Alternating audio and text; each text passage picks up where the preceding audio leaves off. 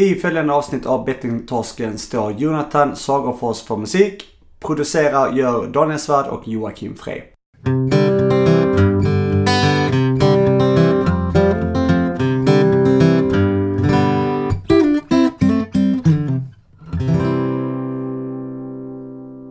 Välkommen till Bettingtorsken. Tjena! Hallå. Var du inte beredd på den? Du är så snabb ibland. eh. Ja.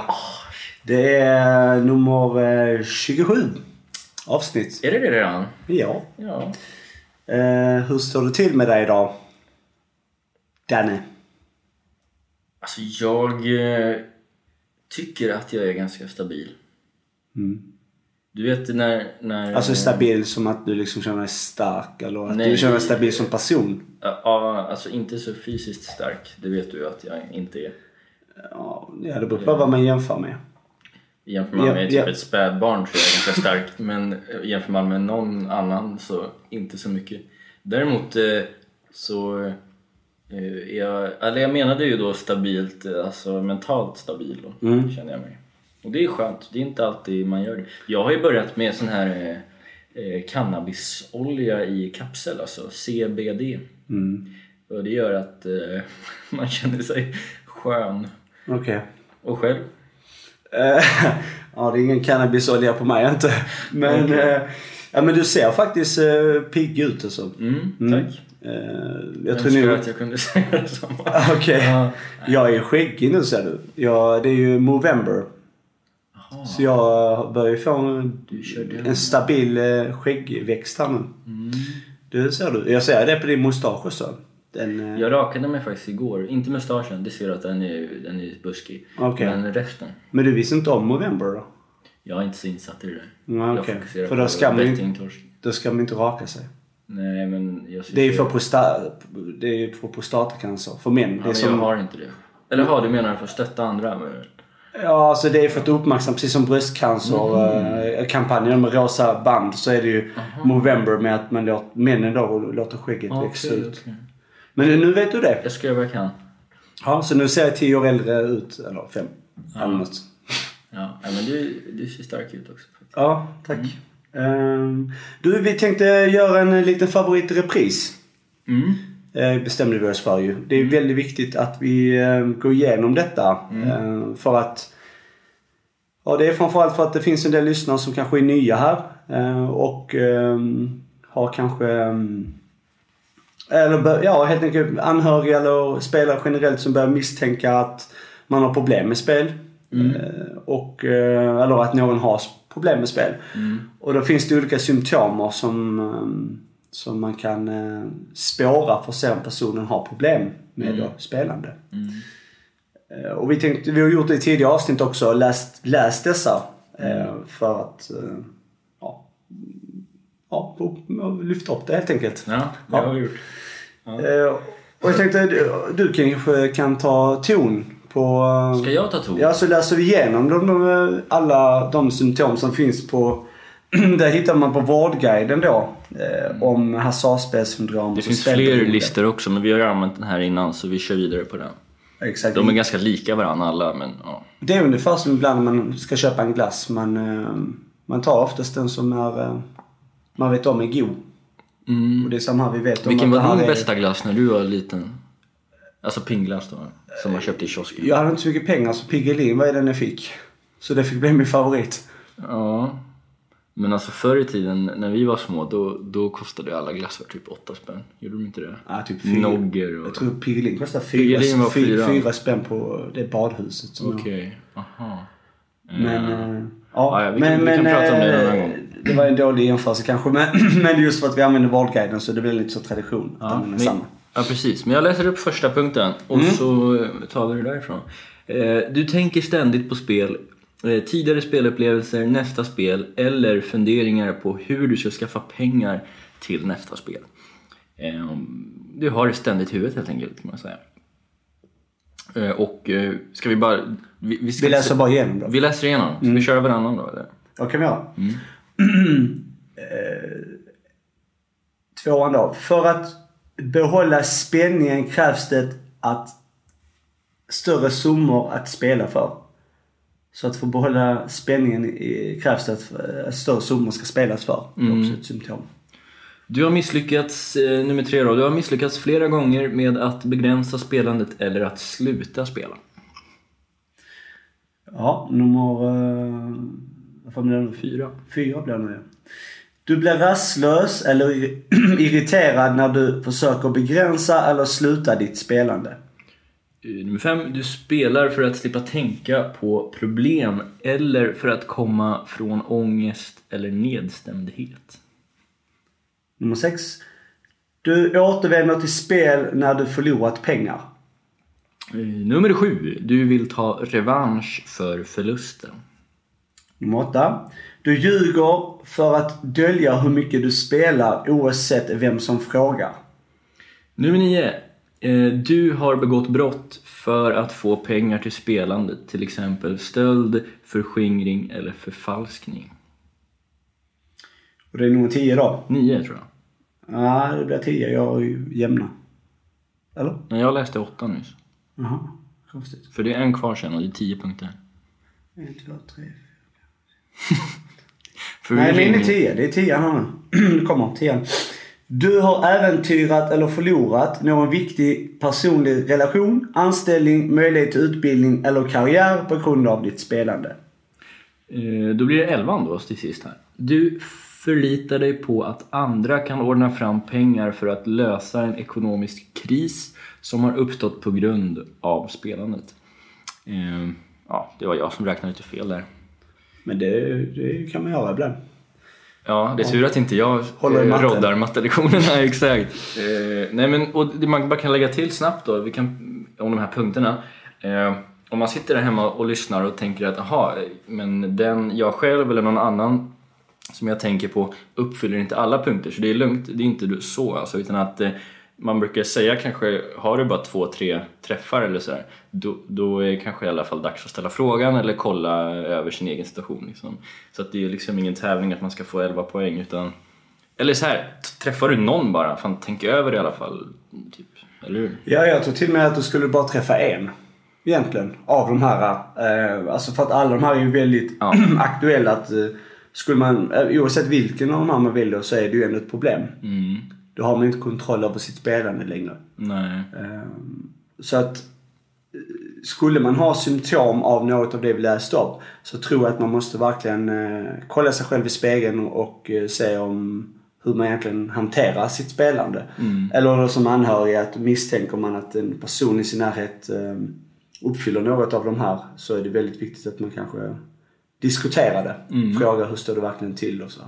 Mm. Att man har en, ja men att man vågar fråga. Verkligen våga fråga. Det var någon gäst som sa det som sin rekommendation. Våga fråga, våga lyssna va? Mm. Vet inte Jenny. Armus kanske? Jo, det var det nog. det var någon. Mm. Och, och, och- det som man ska tänka på då, det kan vara jobbigt ju, men, men tänk på så här man gör inte spelaren någon, eller den man frågar, man gör inte den någon tjänst genom att inte fråga. Alltså, Mm. ja, våga vara lite obekväm. Jag minns när, jag, när, jag, när folk började fråga mig och, och ställa mig lite grann mot väggen strax innan jag slutade spela. Jag blev ju förbannad liksom, men där och då. Men jag är ju glad i, idag för att folk vågade. Att jag behövde ju ställas mot väggen och det är så för många. Absolut. För att om inte man vågar fråga så kan man, det bli väldigt stora konsekvenser av att, eh, och det är ju, ja, det är väldigt viktigt. Mm. Det är det. Ja. Vi, vi påminner igen om eh, julklappsinsamlingen. Ja, Glöm inte bort, vi har ju den på vår Facebook. Eh, sprid den i era sociala medier så att fler eh, engagerar sig. Att faktiskt vilja mm, bidra till de som inte har de möjligheterna som alla har till jul. Och det är att få en julklapp. precis. Det är ju till hemlösa och då föräldralösa barn i Sverige. Eh, Göteborg, Stockholm och Malmö. Eh, och ta kontakt med oss så, så um, allt är välkomnande, eller vad säger man? Välkommet tror jag. Välkommet. Ja. Men det är nära nu. Tur att du har hand om svenskan i alla fall. Ja, den, den bossar jag. Ja. Men eh, det närmar sig jul nu. Det är som en nedförsbacke bara. Man ska liksom rullar ner och så blir det julafton. Ja. Och vet du vad jag läste igår? Att eh, de säger ju att hela Sverige ska bli eh, eh, jul... Nej. Det är julafton i hela Sverige i år. Ja. Det är positivt. Nej, det ska bli snö alltså. säger. Ja, det är bra. De har gjort en sån där diagnos... Nej, Diagnos. Tappa ordet. Vad heter det? Inte diagnos. Vad- Eh, du- Prognos. Prognos ja. Så att det blir, det blir snö alltså. Du, var nu, du fick så storhetsvansinne nu när jag pratade om att du råddar Ja, efter du sa det har jag bara sagt fel hela tiden. Ja, eh, Eh, Men det är ljus och jul ute nu i butikerna man känner ju av eh, känslan. Det är jul, ju- julstämning på gång. ja, det är jobbigt. Ja, jag tycker det kan vara ganska Vad mysigt. ska du göra i jul då? Skit du i det. Eh, det är inte helt bestämt än. Eh, Nej, Jag får se lite vad som händer. men det blir Skåne liksom. Kanske. Kanske. Eh, Ja, själv då? Brukar ni, för då är, där är det inte ofta det är snö nu för tiden, det i Skåne? Nej, där är nästan alltid 25-30 grader. Eller hur? Jag var fan där i somras, alltså 8 grader och storm. Just det. Ja. Ja, nej det... eh, Ja, det är väl ingen snö där. Tyvärr. Men det, det är väl bara uppe i Norrland man kan få snö. Mm. Och på höga berg har jag hört. Mm. Just det. Det är rätt häftigt. Vad, vad ska du Eh, göra på jul? Du svarar inte. Nej, eh, Är inte helt bestämt än eller? nej, det lutar lite åt en resa faktiskt. Eh, Okej. En utlandsresa, vi får se. Jag återkommer. Ja. Härligt. Vi har en eh, gäst med oss eh, till detta avsnittet. Ja! Ja. Eh, och det är ju en... Eh, eh, vi får anhörigperspektivet. Mm. Vilket är väldigt, väldigt viktigt. Eh, För att det är inte bara spelaren som får problem kan man säga. Även om många tror det, Och må- exakt, många tror ju det. typ spelbolagen och sådär. Ja, men det drabbar ju framför, egentligen mer anhöriga än det drabbar en spelare. För det är fler som blir drabbade av en, av en spelares problem. Ja, och det är ju ofta svårare för dem på det sättet att eh, eh, som du och jag som spelare, eller vem det nu är, eh, vi, vi fattar ju vi är ju vi, vi fattar ju vad det handlar om liksom. Man har de här konstiga tankarna men en anhörig frisk har ju inte det. Så de är, många blir ju väldigt chockade liksom att, för det är än idag folk som säger jaha, spelberoende, kan man vara det? Alltså många vet inte. Så att det tar tid för dem att bearbeta tanken. Så man ska inte glömma bort dem.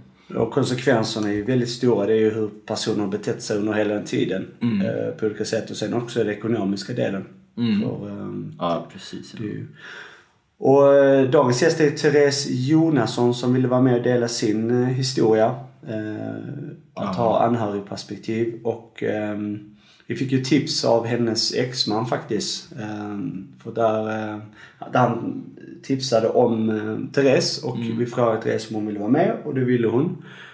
Så att eh, det här är ju då ett eh, tidigare liv Therese Jonasson har levt. Eh, och eh, väldigt, väldigt eh, man säga, kraftfull historia. Och eh, Ja, vi var ju väldigt nöjda efter intervjun, alltså det är vi oftast, men hon, hon, hon, ja, det var väldigt, eh, man blev väldigt berörd av hennes story. väldigt berörd och väldigt öppet. Så, och, eh, jätteglad för alla gäster som är med och delar men framförallt för Therese. Ett stort tack för att du ville vara med och dela din historia med oss. Mm.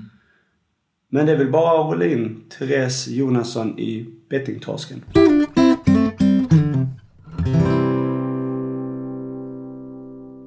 Då eh, är vi igång då med eh, Therese. Välkommen Therese till Bettingtorsken. Tack så mycket. Eh, hur är läget? Jo, det är bra. Det är bra. Härligt att höra. Hur är det med dig Åke idag? Jo, det är bra. Ja, Det är bra. Du ser fin ut. Ja, jag kom precis från gymmet. Oj, oj, Så jag, eh, rakt innan vi sitter ju på Spelberoendeföreningen i Göteborg och spelar in idag. Ja. Vi fick låna deras lokal. Mm. Hur är det med dig Daniel? Det är bra, det är bra. Jag har inte tränat men å andra sidan äter jag inga kakor heller som, Nej. som du ska göra snart. Så att Ja, det går väl jämnt upp det här tror jag. Ja, det tror jag. Ja, Jag tränar för att äta kakor. just det. Mm. Bra. Låter bra. Vem är du Therese? Vi börjar där. Ja, jag är en 44-årig undersköterska Ja. som eh, ja, har levt ihop med en spelmissbrukande man i, Mhm. jag sa nog 25, men 24 år i alla fall. Så det är väl länge. Ja. Ja, ja. 16 år när jag lärde känna han och sen.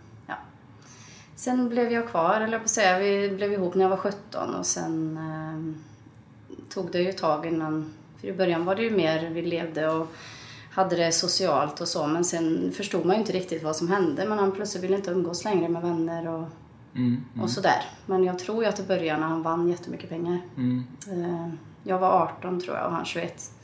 Så vann han så vi både köpte motorcykel och bil och ut och reste och, och efter det så liksom eskalerade det nog. Mm. Mm. Vi har alltid spelat, både jag och han lite grann, men typ en 10 eller sådär. Och sen liksom, det är slut, eller ja i slutet, sen, eh, det tog, gick ganska fort egentligen. Han började ju ta posten, det har jag hört att väldigt många spelare gör. Så, eh, jag hade inte hand om ekonomin och jag var ju rätt så ung. Jag gick i skolan och läste färdigt till undersköterska och så eh, jobbade jag extra samtidigt och sen eh, när jag blev undersköterska färdig och började jobba helt så tyckte ändå att vi hade lite lite pengar väldigt ofta och sådär men han förklarade med alla möjliga räkningar och sen en dag så kom jag hem först och hittade posten och hade jag Kronofogden på mig då.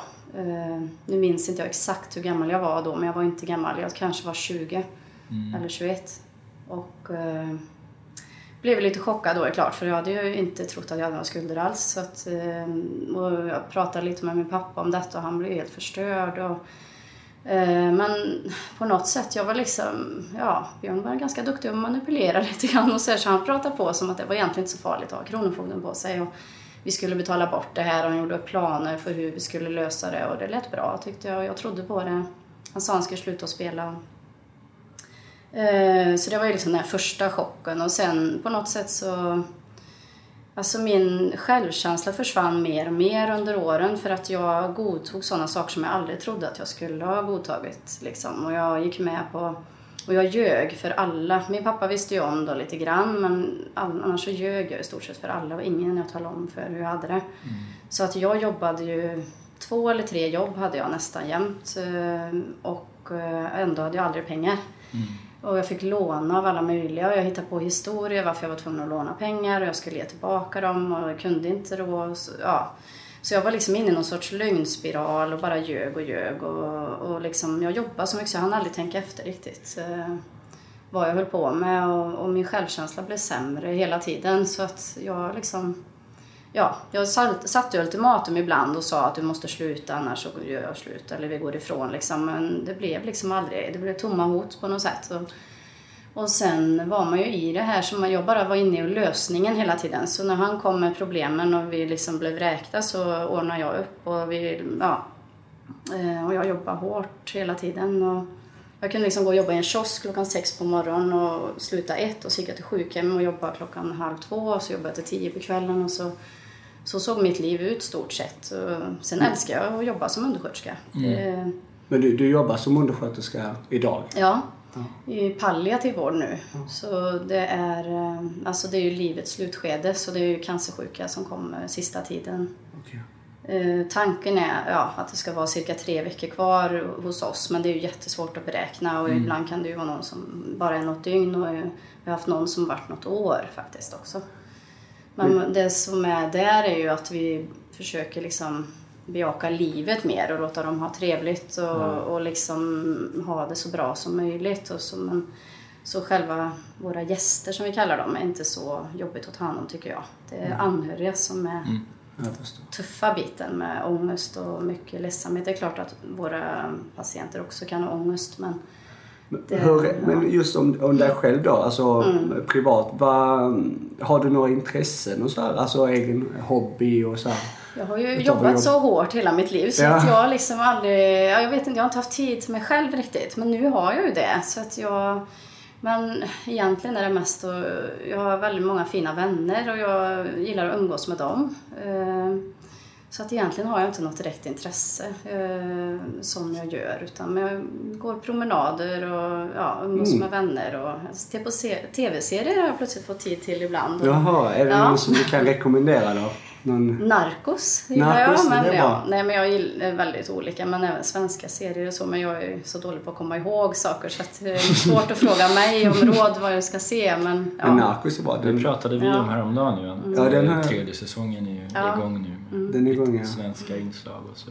Det är Ja. kul. Ja. Eh, Jag måste fråga apropå ditt jobb. eh, Så tänker jag mig att du kanske har en bra förståelse då just för det här anhörig. Du nämnde att det är de som är svårast att handskas med eller mm. mest utmanande. Liksom. Känner du att ni kan, på, även om det är ganska skilda saker, men ändå att ni kan hitta varandra på något sätt i den där anhörig...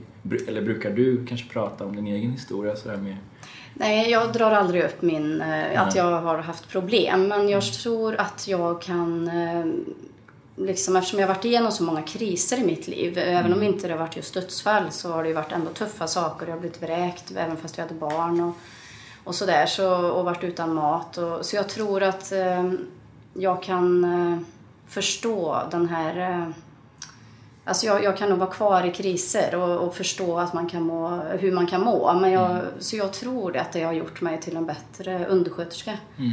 Och att jag även har förståelse för att eh, alla personer är så olika. Det finns ingenting som förvånar mig längre för att anhöriga kan ju reagera väldigt, väldigt olika i de här situationerna. En del blir väldigt arga och förbannade. Mm. Och, och så här och då tror jag att jag är ganska duktig på att stå kvar och ta det för att jag tänker att det är inte mig de är arga på egentligen. Mm. Det är inte så ofta de är arga på oss på där jag jobbar nu men det har hänt ofta i vården att man får skäll och här är de, faktiskt blir de i stort sett nöjda mm. hos oss. Vi har ju ganska bra tid till dem och alla märker ju att de börjar må bättre när de kommer till oss för ofta har de avslutat de här tuffa behandlingarna Eh, och då kanske de får lite matlust och, och, liksom, och vi har tid att sitta och, och, med dem och de får äta även om de vaknar. Jag jobbar på nätterna. Mm. Eh, och vaknar de på natten och inte mår illa och vill ha mat så får de det. Mm. Så vi har liksom inga fasta rutiner så utan de får eh, så att jag tror att det har gjort mig till en bättre... Och det har gjort också att jag tror jag kan sitta liksom med vi har ju alltså unga som dör hos oss ibland och sitta där och trösta barn och, och liksom tonåringar när deras föräldrar dör. Det trodde jag nog inte för några år sedan att jag skulle klara men eh, det, det är tufft men det går. Man, jag känner ju också att man får tänka att de får det så bra de kan få det hos oss i mm. slutet mm. för att de kan ändå inte räddas. Liksom. Mm.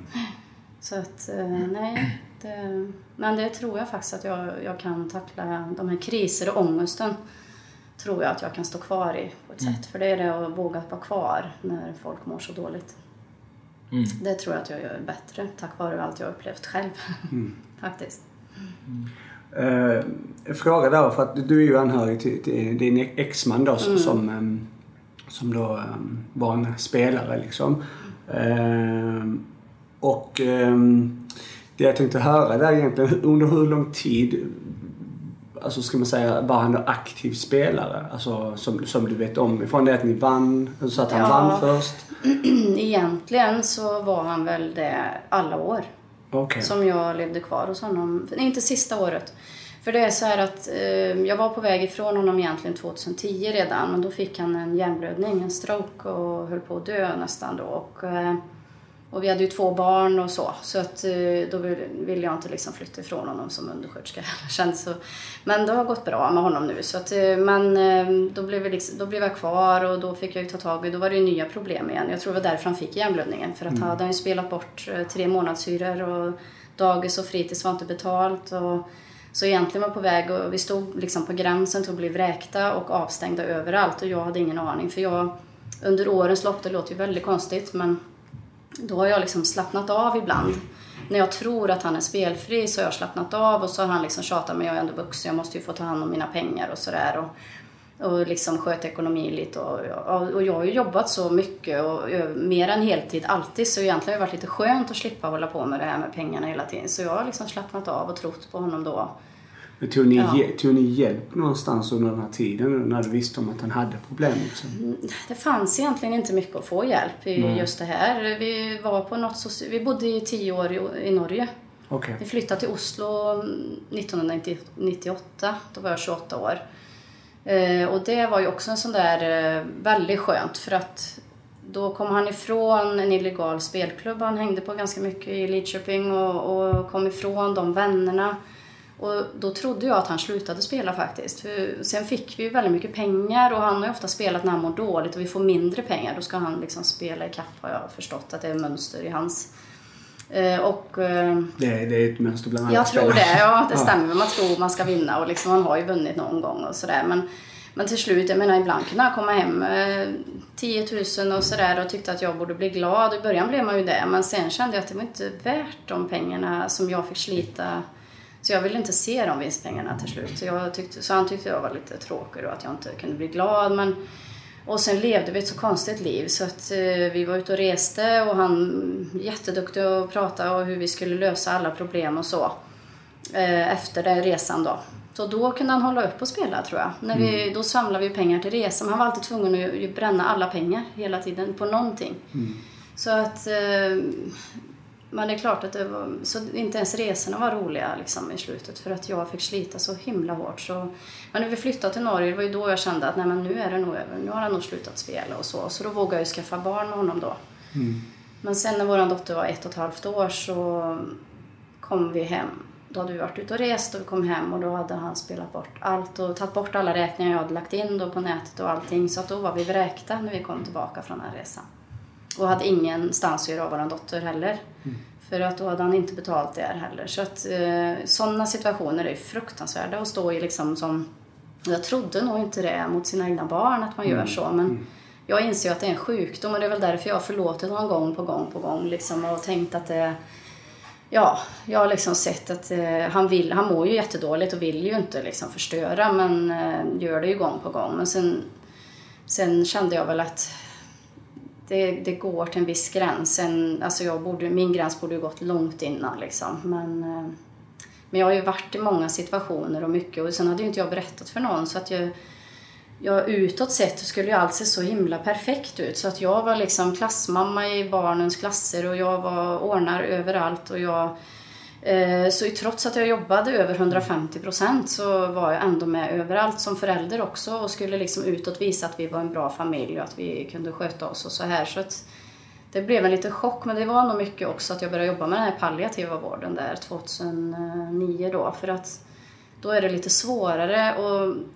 på sjukhus, du springer och jobbar och andra ställen, du har liksom följt upp hela tiden. Här är det lugnt och du kanske ibland bara ska sitta tyst och hålla handen med en med ångest. Och, och då får dina egna tankar mycket mer tid att tänka. Och då börjar jag tänka på mitt liv och eh, så mycket. Så det var nog mycket därför. Och, så min arbetskamrat fick lite chock när jag 2010 då när han fick den stroken, då, då hade inte jag ens berättat för mina arbetskamrater. De blev väldigt förvånade varför inte jag var, tog ledigt från jobbet när han låg på sjukhus och nästan skulle dö.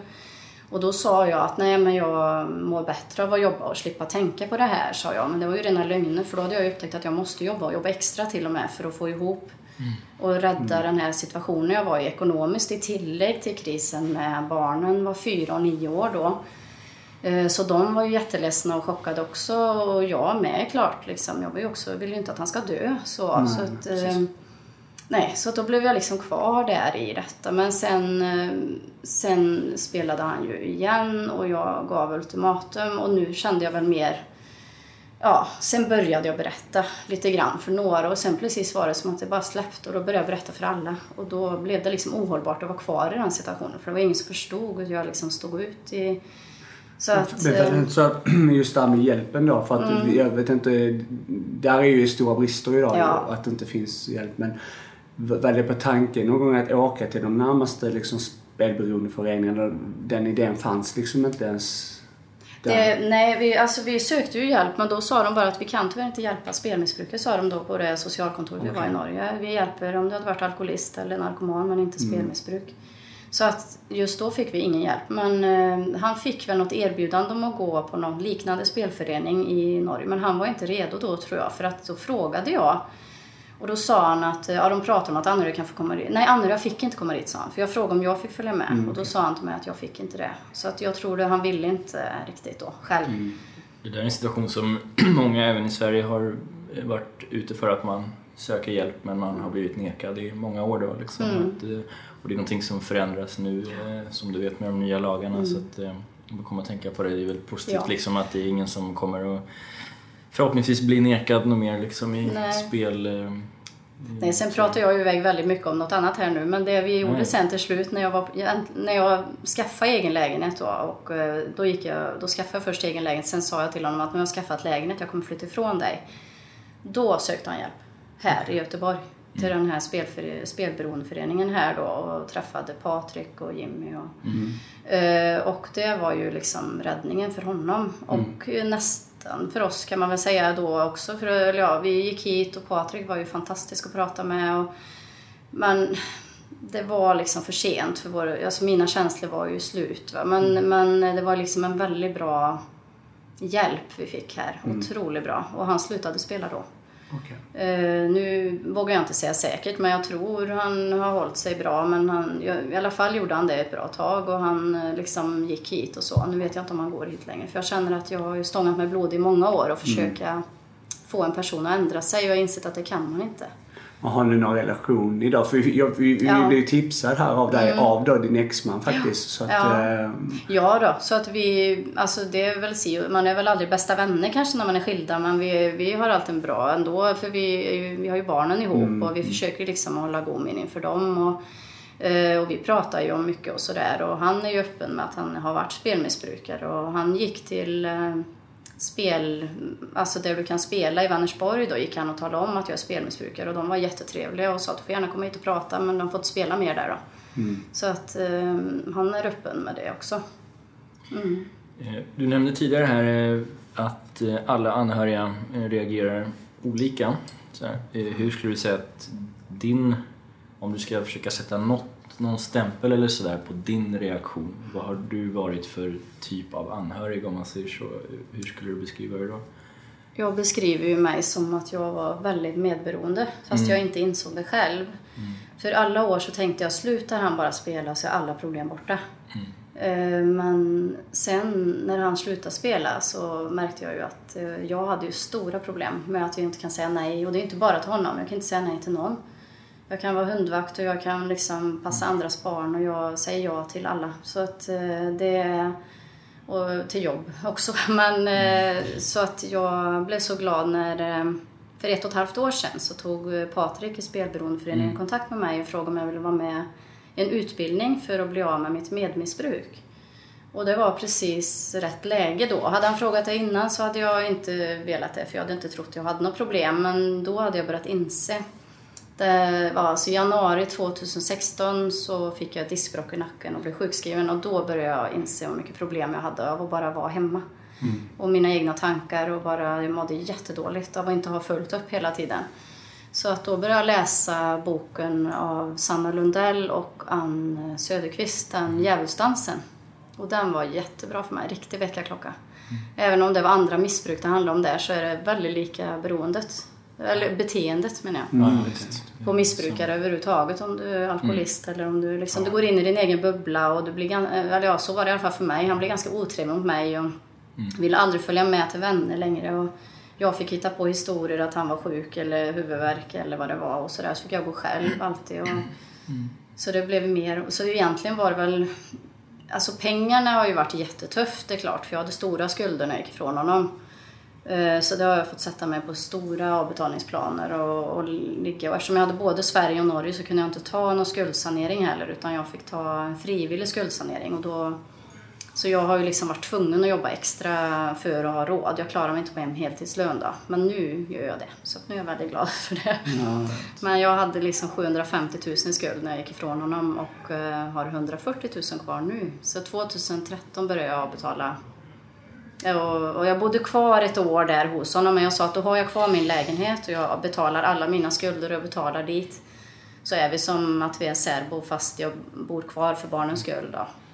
Så bodde vi som bror och syster ett år och skulle se och gick familjeterapi och se om det skulle gå att rädda men ja. Nej, det, i vårat fall var det inte, men jag, jag, tror inte det kan vara kört för alla anhöriga. Men man, det viktiga som anhörig är nog att man börjar berätta för andra så att man inte normaliserar helt sjuka beteenden. Och att man slutar ljuga för sin partner, för det var ju det jag gjorde jättemycket. Jag ljög för alla, så jag har ju förlorat många vänner på vägen.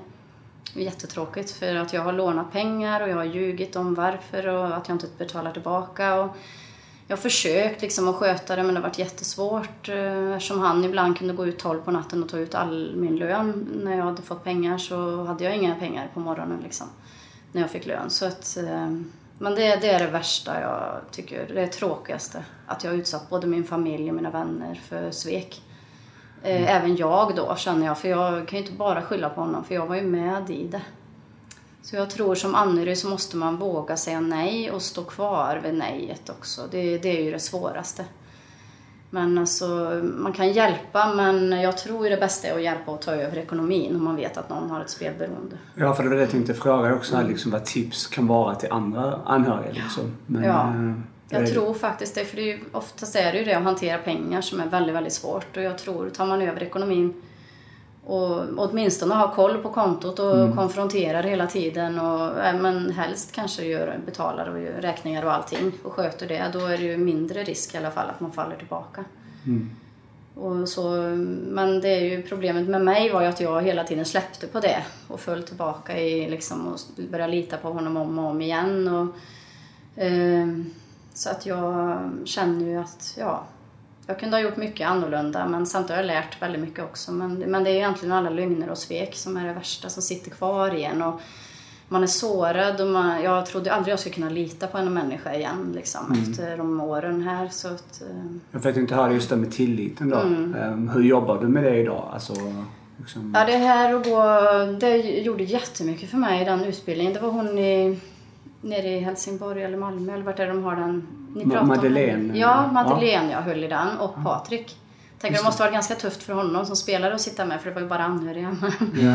Men eh, nej, den utbildningen var jättebra. Alltså, det väckte upp mycket i mig och lärde mig mycket av vad jag måste jobba med mig själv hela tiden. Eh, jag faller tillbaka ibland och så, men jag, det handlar ju mest om att man måste förstå att man inte kan ändra på en annan person. Utan han är han och jag är jag. Jag kan bara stå för mina handlingar och bestämma mig för att jag går inte med på detta längre. Liksom. Då, ja. Så att, eh, ja. Jag, jag ska säga två saker. Det är ingen, inga frågor tyvärr, men jag måste bara få det sagt att eh, dels tycker jag det är väldigt fint att höra att det här när Patriks erbjudande kom, du sa att eh, det kom exakt rätt tid liksom och eh, personligen så, så tror jag på att saker och ting händer av en viss anledning liksom och det är ingen slump och sådär. Det var ju härligt eh, att höra att du att det dök upp när du behövde det liksom. Och sen reagerade jag på det här du sa om att du har din del i det och sådär och liksom alla tolkar det på sitt sätt och så men jag tycker att eh, det- finns alltid saker man kunde ha gjort och borde ha gjort och så vidare men jag tycker inte att du eller någon annan anhörig ska liksom ta på sig någon skuld för att det, det, det är att ha att göra med spelberoende är verkligen inte lätt liksom och att eh, man, man, eh, man ska inte ha så höga krav på sig själv, tycker jag. Liksom. Så att, eh, till de anhöriga som lyssnar och, och, och till dig. Ja. Då, så. Men ja, det var det jag ville Mm, säga. det är där. Jag kan ju vara här själv igen, prata bara. Ja. Ja, just det. Eh, Nej, men det är ju väldigt svårt att sätta sig eh, in i den rollen för vi är ju aktiva, eller aktiva är vi inte, vi, är ju spelare eller före detta spelare så att säga. Och Mm. um, nästan anhörigperspektiv är ju väldigt eh, komplicerat att förstå. Eh, För att en spelare är ju väldigt egoistisk liksom och kör sin väg och kan inte hantera pengar. Det är ju liksom, om man säger då pengar med det beteendet då. Så det är precis som du säger, det är ju um, Daniel där att eh, anhörig ska ju inte ta på sig en, liksom en, alltså en skuld i hur spelarens beteende har varit liksom. Utan, um, Ja, men jag tycker det är viktigt för jag har själv fått höra från anhöriga, liksom nära familj och sånt här att "Åh, vad kunde vi ha gjort och hur kunde vi inte fatta att det var något galet? Och, och, och de nästan ber om ursäkt till mig liksom och då säger jag men hallå, sakta i backarna nu, det är jag som har betett mig konstigt och eh, det är tufft. Det är minst lika tufft att vara en anhörig liksom.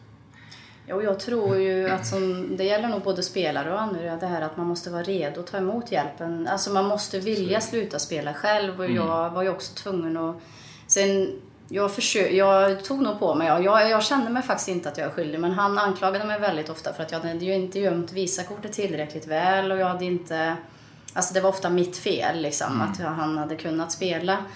Eh, Så att det tryckte ju ner mig väldigt mycket och det har tagit lång tid för mig att bygga upp den här självkänslan och det jobbade jag mycket med och den här utbildningen jag fick då av de här det stärkte mig något otroligt alltså. Att möta andra i samma...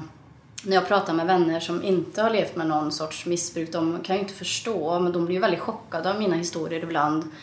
Och då är det skönt att kunna prata med andra som har upplevt precis samma eller väldigt liknande saker och, och tycker inte det är så konstigt. De förstår liksom. Sen var det faktiskt en annan spelare som sa till mig att eh, när jag var på ett möte här, vi blandas ju här och pratar både anhöriga och spelare ihop och de mötena tycker jag är trevligast faktiskt. För då får man lite bägge sidor och då sa en till mig att eh, du ska inte ta åt dig för att du slappnade av för det är ju då vi hugger sa han. När vi ser att en anhörig slappnar av och släpper kontrollen på pengar det är då vi tänker att oj nu kan jag liksom omedvetet sa han så är det så. så att, för det var ju liksom det jag kände att jag inte kunde förstå själv att jag började slappna av om och om igen och börja lita på honom. Men jag har väl aldrig riktigt litat till 100% men jag har ju hållit på och gömt pengar och jag har hållit på och gömt visakort och fått byta visakort flera gånger och liksom försökt och försökt och kämpat men sen till slut eftersom jag jobbar så hårt också, jag blev stressad, så jag levde i en sorts stressnivå som jag inte insåg själv riktigt. Att, eh, så att därför var det så svårt för mig när jag plötsligt blev sjuk och kunde inte röra vänster arm och kunde knappt gå heller för det gjorde så ont. Så att jag var tvungen att ligga mycket och bara vila. Och jag som då varit så högvarv i så många år, så det var det svåra för mig. Att börja landa lite i mig själv och komma ner liksom i varv och inte måste planera någonting. Sen tog det ju bara några veckor så hade, hade jag ju ork att vara uppe igen och gå lite och sitta och då planerade jag ju in och fika med kompisar och planera upp hela dagarna. Så hela min almanacka var fullskriven fast jag var sjukskriven. Så att, men jag var väldigt glömsk då när det var som värst i stressen. Jag, jag fick ju skriva lappar för att komma ihåg. Liksom, så det var ju det värsta när jag fick nya visakort med nya nummer. Så var jag tvungen att skriva upp koden för den hade jag ingen möjlighet att komma ihåg. Så då hittade han ju det här och liksom kunde ta pengar i alla fall. Då, så, Men ja. det är lite som du säger alltså, mycket handlar ju om att en, en som du har problem med spel då, att eh, personen själv ska vilja eh, och ser själv att det finns ju konsekvenser. Det är detta här som händer om man blir påmind av anhöriga framförallt att man säger att så här är det. Det finns konsekvenser bakom det. Eh, Och ta det på allvar. Eh, Och sen då eh, ta hjälp på olika sätt liksom. Att verkligen vilja förändra sig själv. För att vara på, på vakt som du säger där som anhörig måste ju vara väldigt energikrävande liksom. Och, och ja, i slutändan så är det ju faktiskt spelaren själv som måste ta kontroll över, över sitt eget liv liksom. Att, att eh, ta hjälp och sluta då. Och det var just i den där boken väldigt bra förklarat, den uh, djävulsdansen där att du är som, du tänker ju inte att du kan påverka vädret om det blir åska eller men du tror liksom att du ska kunna påverka en annan person i den och det, det förklarar ganska bra för mig liksom. Man hade tre platåer, att det är de andra personer och så är det väder och, och världen liksom och så är det man själv. Och då sa de att det enda man kan påverka är faktiskt sig själv. Och det gällde ju även att jag var tvungen att jobba med mig själv. Eh, och inte kanske att jag gjort så mycket. Alltså jag, det jag ångrar och mest är ju det här jag gjort mot vänner och, och alla lögner. Liksom. Så när jag började vara ärlig och bestämde för nu ska inte jag ljuga för hans skull längre. Det var så skön känsla att bara vara ärlig alltid. Men det var också svår, alltså i början så kunde jag ljuga om såna här saker som, om någon frågade vad det för färg på väskan så kunde jag säga att den var svart fast den var vit. Eller liksom så här som inte behövde ljuga om liksom jättelöjliga saker. Det där är ju ett klassiskt exempel Ja. i många som har nämnt det på mötena vi har här. Liksom, Ja. Att man tänker sekunden efter, varför ljög jag om det där? Det Ja. konstigt.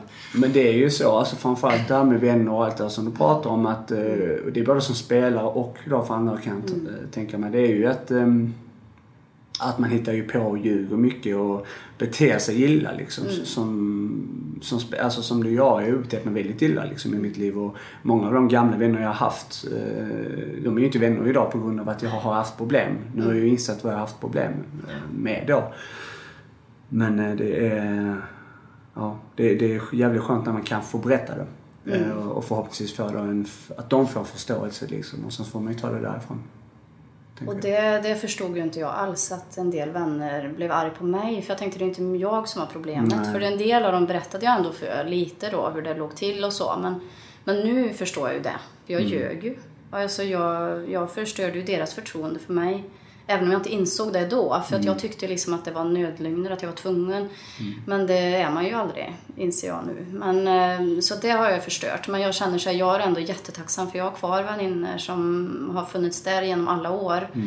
Ehm, och den ena är jag fortfarande skyldig pengar men hon stannar kvar. Liksom. Och sen är det andra som, ja, som har förstörts helt tyvärr. Kommer aldrig kunna bli bra igen tror jag. Men, ja. Ja.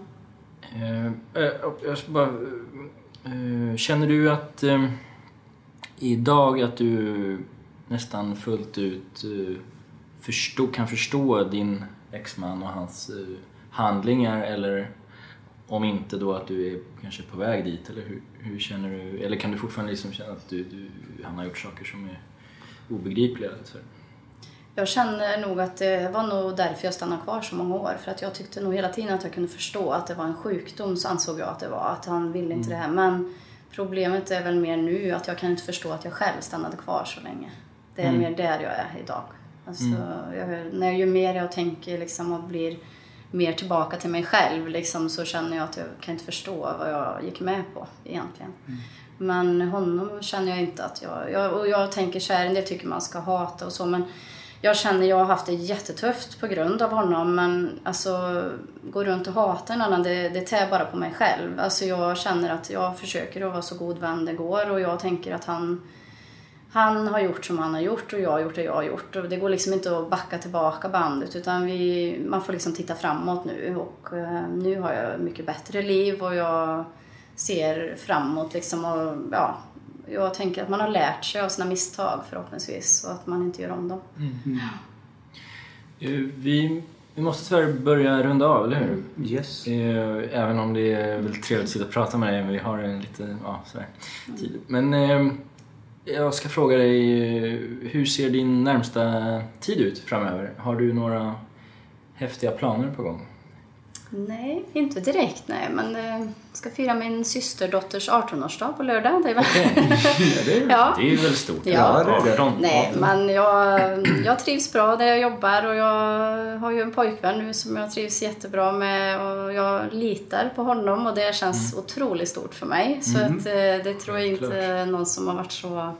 Jag har liksom inte litat på någon på så länge så att det, det känns väldigt stort för mig. Bara en sån sak och sen, eh, nej annars så... Det är ganska lugnt. Eh, Mm. Det låter Jag är som nöjd med väldigt- livet och det tror jag man ska försöka vara även om man... Jag, har, eh, jag tänkte höra då med dig, det är en sån här sista fråga som vi har. ehm, vad har du att rekommendera eh, oss och andra i livet generellt? Det var väl den frågan jag var räddast för kanske. När man har låg självkänsla så vill man helst inte prata om sig själv för mycket. Det är lättare att prata om saker man har gjort eller sådär. Men eh, jag känner ju att eh, jag tror att folk måste vara mer nöjda med vad man har. Jag har ofta jämfört mig med de här cancersjuka som dör och tänkt jag är i alla fall bättre än dem. Och det har också gjort på något sätt att jag ändå orkat hålla mig uppe mitt i allt jobbiga. Så har det ändå känts som att det finns alltid de som har det värre. Eh, och det gör det ju alltid om man ser runt sig. Liksom. Och jag, sen menar jag inte att man bara ska jämföra sig med de som har det sämst alltid. Men jag tror vi måste bli nöjdare. Även om man inte har, jag har ingen bil, jag har en lägenhet, jag är nöjd liksom ändå. Man, man måste inte ha allting liksom. Saker är inte någon värde för mig direkt. Så. Utan vänskap är väldigt mycket, vänner betyder väldigt mycket för mig. Jättefint. Nöjd och var tacksam för Ja. det du har och vänner. Det var otroligt fint. Väldigt härliga ord faktiskt. Det tycker jag verkligen. Eh, Jag gör tummen upp. Ja. Det syns inte men det är två.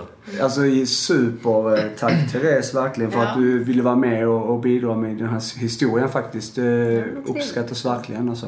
Vi ska säga det att eh, Therese har åkt från Vänersborg, eller hur? Och det ligger inte runt knuten direkt. Eh, så att, eh, Ja, det är bara en timme med tåg. Men... men ändå. Vi, vi bjöd på ballerin. Ja, ballerinakex. Det, Ja, det Göteborg. gillar jag. Ja, men det är bra. Ja. Lyckades lite i alla fall. verkligen. Ja, men tack. Nej, men, ja, Jättetack. tack så mycket.